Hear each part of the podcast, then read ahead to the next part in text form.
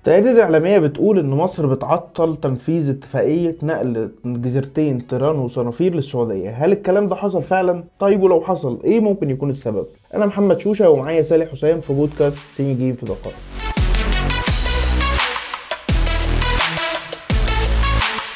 سالي من الأول كده عايزين نعرف القصة دي كلها بدأت إزاي؟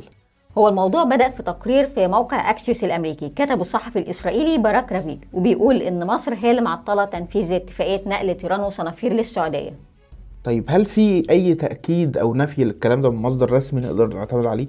لا لأن زي ما قلنا أكسيوس كانت المصدر الرئيسي اللي من خلاله بدأ الموضوع يتنقل لصحف تانية. آه، أكسيوس بيقول إن مصدره في الكلام ده أربع مسؤولين إسرائيليين ومصدر أمريكي لكن ولا مصدر في أي دولة من اطراف القضية علقوا بشكل رسمي. وكمان بحسب الموقع السفارات المصرية في تل أبيب وواشنطن والسفارة السعودية في واشنطن والبيت الأبيض ومكتب رئيس الحكومة الإسرائيلية ما ردوش على أي طلبات تعليق.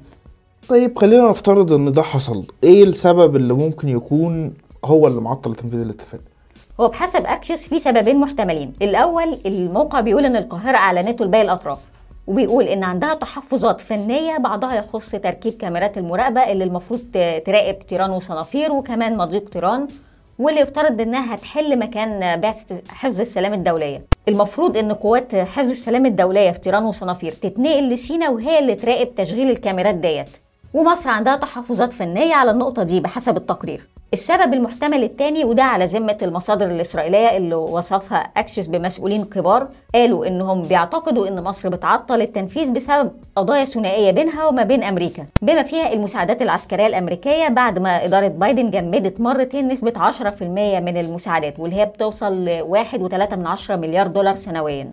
وده كان بسبب تفاصيل وصفتها واشنطن بالتحفظات على حالة حقوق الإنسان في مصر. آه لحظة بس يا سالي إحنا كده تقريبا بنتكلم في ملفات تبدو إن هي ملهاش علاقة ببعض. إيه اللي جاب القلعة جنب البحر؟ هي القاهرة شايفة إن ملف المساعدات العسكرية اللي بتاخدها سنويا من أمريكا من وقت اتفاقية السلام مع إسرائيل بقى لعبة في يد أطراف السياسة الأمريكية، يعني كل شوية حد في واشنطن يطلع ويعلق جزء، آخرها حصل في 2022 لما السيناتور الديمقراطي باتريك ليهي علق حوالي 75 مليون دولار. ما عندناش تفاصيل كتير في النقطة دي إلا من أكسيس نفسه اللي هو قال إن الغضب المصري من الموضوع ده وصل ذروته في أكتوبر اللي فات بدرجة خلت إن الموضوع يحتاج زيارة للقاهرة من آه، باربرا ليف اللي هي كبيرة دبلوماسية الشرق الأوسط في وزارة الخارجية الأمريكية. ووقتها بلغها مسؤولين مصريين إن لو واشنطن مقتنعه فعلا إن العلاقات مع القاهرة استراتيجية فالإثبات الوحيد هيبقى إن يكون تحويل كامل للمساعدات العسكرية. فبحسب الموقع واضح إن الموقف المصري كان شديد بدرجة إن المصادر بتقول إن المسؤولة الأمريكية نصحت القاهرة باستخدام أدواتها للضغط على على الكونجرس لكن القاهرة ردت بأن ما عندهاش نية تعمل جهود للضغط كل سنة. وإذا كانت الإدارة الأمريكية شايفة الموضوع مهم فهي عارفة كويس قوي إزاي تمرر الموضوع في الكونجرس طيب محد دلوقتي ممكن يقول إن الموضوع ده يعني نقل جزيرتين من مصر للسعودية. إيه علاقة واشنطن إن يضغط عليها في الموضوع ده؟ ومن الأول الصفقة كانت محتاجة موافقة إسرائيل اللي طلبت بضمان إبقاء وضع نزع السلاح في الجزيرتين. آه، ده معناه إبقاء قوة آه، المراقبين متعددة الجنسيات بقيادة أمريكا. لكن السعودية اتمسكت بموقفها بمواقفها يعني في مغادرة القوات الدولية. وهنا احتاجنا بقى لترتيب ثلاثي جديد بين السعودية ومصر وإسرائيل. في سبتمبر 2021 بقت إدارة بايدن آه، بدأت جهود وساطة وأنجزت التفاهم مع زيارة بايدن الأخيرة للسعودية في يوليو اللي فات. وكجزء من التفاهم ده وصلنا للوضع اللي بنتكلم عنه دلوقتي اللي هو تركيب الكاميرات وانتقال القوات الدولية لسينا. هنا إدارة بايدن مهتمة بالموضوع لأنها قدمته باعتباره إنجاز للسياسة الخارجية بتاعة بايدن وكمقدمة لتطبيع العلاقات ما بين السعودية وإسرائيل.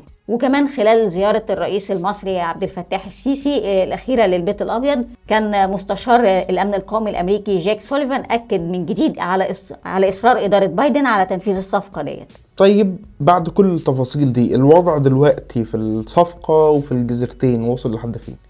هو زي ما قلنا مفيش أي تفاصيل معلنة رسميا لكن بحسب التقارير على الأقل القوات الدولية مش هتتنقل من تيران وصنافير لسينا في ديسمبر زي ما كان مفترض. بالتالي النقل معطل لكن آه، يعني ما اتلغاش بحسب المصادر ديت.